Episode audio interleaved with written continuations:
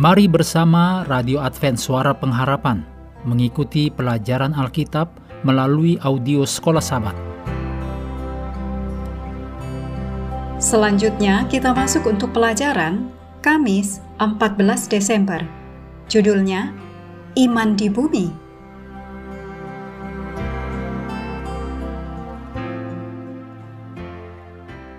Mari kita mulai dengan doa singkat yang didasarkan dari Roma 9 ayat 30.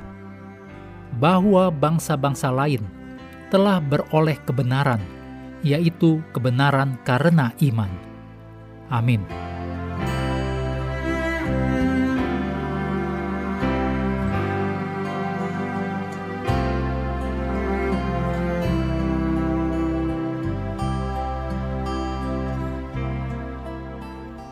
Dalam Lukas 18 ayat 8, Yesus menanyakan pertanyaan ini pada akhir dari salah satu perumpamaannya. Aku berkata kepadamu, ia akan segera membenarkan mereka. Akan tetapi, jika anak manusia itu datang, adakah ia mendapati iman di bumi? Sebagai murid Kristus saat ini, kita perlu melihat apa yang Yesus sedang cari dalam cerita ini kita bisa melihat bahwa Yesus sedang mencari iman yang bersinar walaupun berada di antara kegelapan. Dalam Matius 8 ayat 10 dan 13, Matius 9 ayat 2, Matius 20 ayat 29 sampai 34, Markus 2 ayat 5, Markus 10 ayat 46 sampai 52, dan Lukas 18 ayat 35 sampai 43. Ayat-ayat ini menunjukkan siapa yang digambarkan Yesus sebagai orang-orang yang memiliki iman.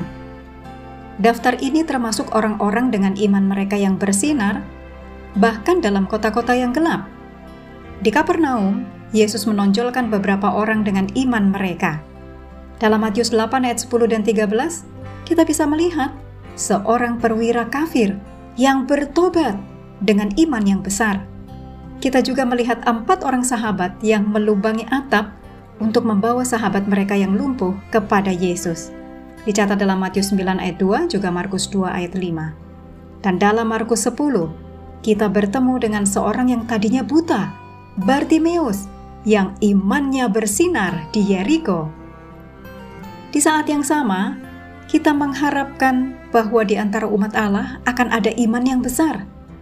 Bahkan di kampung halaman Yesus, Nazaret, sedikit iman atau bahkan ketidakpercayaan yang nyata. Dan ini adalah faktor-faktor yang membatasi pelayanan Kristus.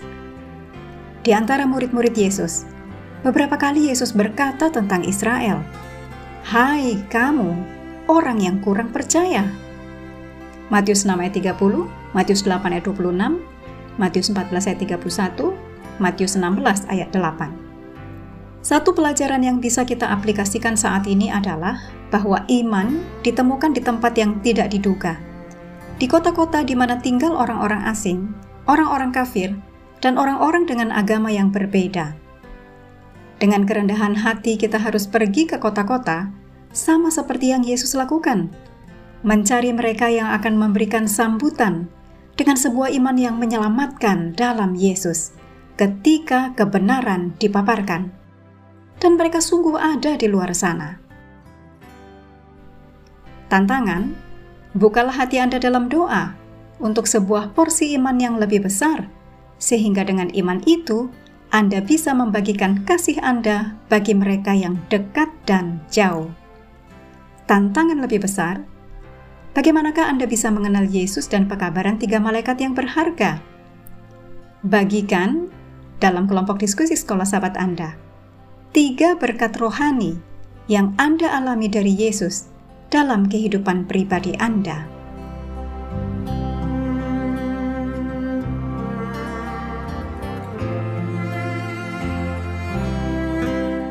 Mengakhiri pelajaran hari ini, mari kembali ke ayat hafalan dalam Matius 15 ayat 28. Maka Yesus menjawab dan berkata kepadanya, Hai ibu, besar imanmu, maka jadilah kepadamu seperti yang kau kehendaki. Dan seketika itu juga anaknya sembuh. Kami terus mendorong Anda mengambil waktu bersekutu dengan Tuhan setiap hari, baik melalui renungan harian, pelajaran sekolah sabat, juga bacaan Alkitab sedunia, percayalah kepada nabi-nabinya yang untuk hari ini melanjutkan dari Yesaya 21. Tuhan memberkati kita semua.